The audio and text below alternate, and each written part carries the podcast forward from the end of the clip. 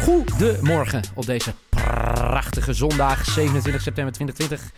Het is tijd voor seizoen 2, aflevering 8 van de FC Betting. Vandaag natuurlijk weer drie Eredivisie wedstrijden. Mike Feit, lekker geslapen? Uh, ik begin beter te slapen. Ja. De hele week slecht slapen. Nou, maar ik kan, ik kan me voorstellen dat je, dat, je, dat je slecht hebt geslapen als je terugdenkt aan vorige week zondag.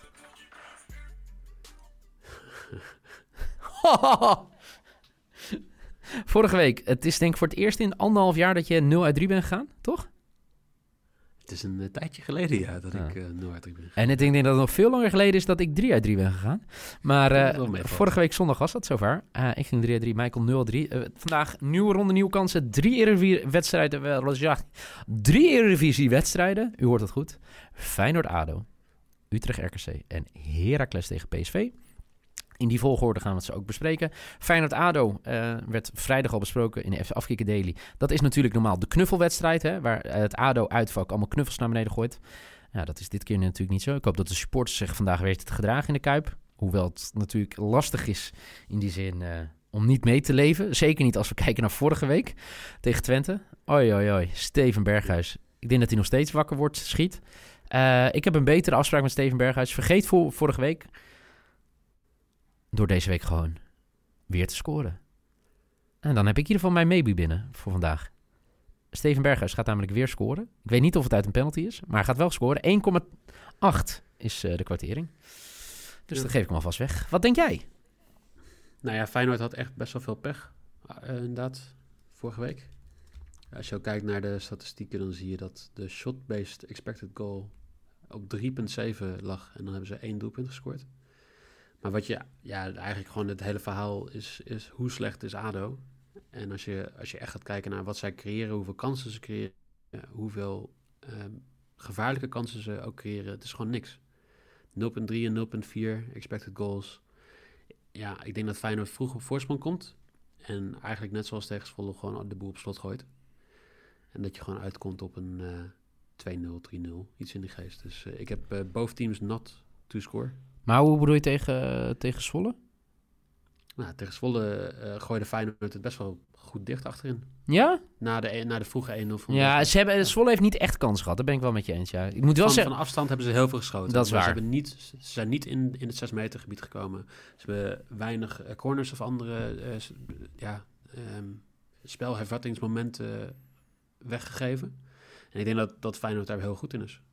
Ook tegen Twente eigenlijk niet. Hè? Tegen Twente hebben ze ook niet heel veel weggegeven op, op korte afstand of zo. Nee. Wat ik me wel afvraag, gisteren konden we niet, uh, ja, zeg maar 6 uit 6 gaan. Vandaag kan dat wel, hè? Ja, ja, dat kan. Ik denk dat het zelfs best wel mogelijk is. Ja. Berghuis uh, gaat scoren. Ado scoort ja. niet. Nou, dan hebben we al de eerste binnen. Dan gaan we door naar de ja. tweede wedstrijd. Utrecht-RKC. Utrecht uh, begon vorige week pas in Venlo. Toch wel een beetje teleurstellend. 1-1. RKC, ja, speelde vorige week in de Johan Cruijff Arena. Ja, het hobbelde mee. Um, vrij weinig in te brengen in de wedstrijd tegen Ajax. Uh, vorig jaar was RKC voor mij de angstgegner van, angstgegner van Utrecht. Twee keer gewonnen. Ik goed zeg uit mijn hoofd. Uh, ik ben wel benieuwd. Denk je dat het dit jaar weer gaat gebeuren? Nee. nee Duidelijk? Nee, nee maar gewoon nee. Ja, RKC...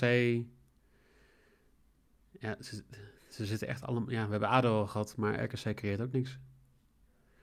En ook, dan snap ik dat je tegen Ajax niet heel veel kan doen, maar tegen, tegen Vitesse 0,2 expected goals. Dat is ook gewoon niks. Mm -hmm. Non-shot expected goals 0,4 betekent dat ze ook bijna geen balbezit hadden en ook niet uh, uh, mensen in goede posities te brengen. Nee. Ik denk dat Utrecht hier gewoon 4, 5 keer gaat scoren. Vier of vijf keer gaat scoren? Oké, okay, heel goed. En RKC helemaal niet dus? Nee. Ja, dat mag, mag voor mij prima. Hoor, oh, oh, nou. Ik denk dat dat uh, ons allebei wel goed uitkomt. 3-1?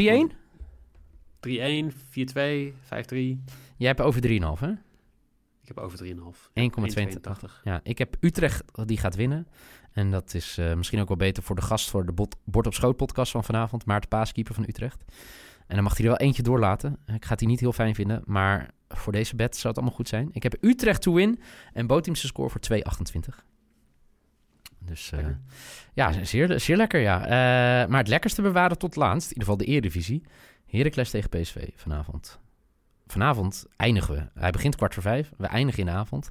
Uh, voor mijn gevoel altijd dat het niet heel erg lekker is voor PSV daar. Ik weet niet of de statistieken dat ook bewijzen. PSV natuurlijk mid, midweeks gespeeld. Uh, donderdag alweer, als we terug gaan. Je lijkt alweer zo lang geleden. Een makkelijke overwinning tegen Moura. Uh, twee keer Donjo Malen. Voor mij twee keer Gakpo. Maxi Romero wel geblesseerd. maar ja, ben benieuwd. Heracles, alles behalve goed aan het seizoen begonnen. Uh, wonnen wel van ADO, maar ja, daar wint iedereen van mij dit jaar wel van. Uh, ging kansloos onderuit tegen Willem II. Ik ben wel benieuwd uh, wat je, waar je hier naar kijkt bij Heracles tegen, tegen PSV. Nou, ik heb het even voor je opgezocht. Heracles heeft in 18 wedstrijden één keer van PSV gewonnen. Kijk, dat bedoel ik. Dat was in 2015. Wel in september, dus wel een beetje een soort gelijk moment, ook thuis. Maar de laatste paar keer PSV uit 2-0, thuis 3-1, uit 4-0, uit 2-1, thuis 3-0. Dus ze zijn wel een beetje overtuigend bezig tegen Heracles de laatste tijd. Oké. Dus ik, ja, eh, ik denk PSV ook wel in vorm. Goed team.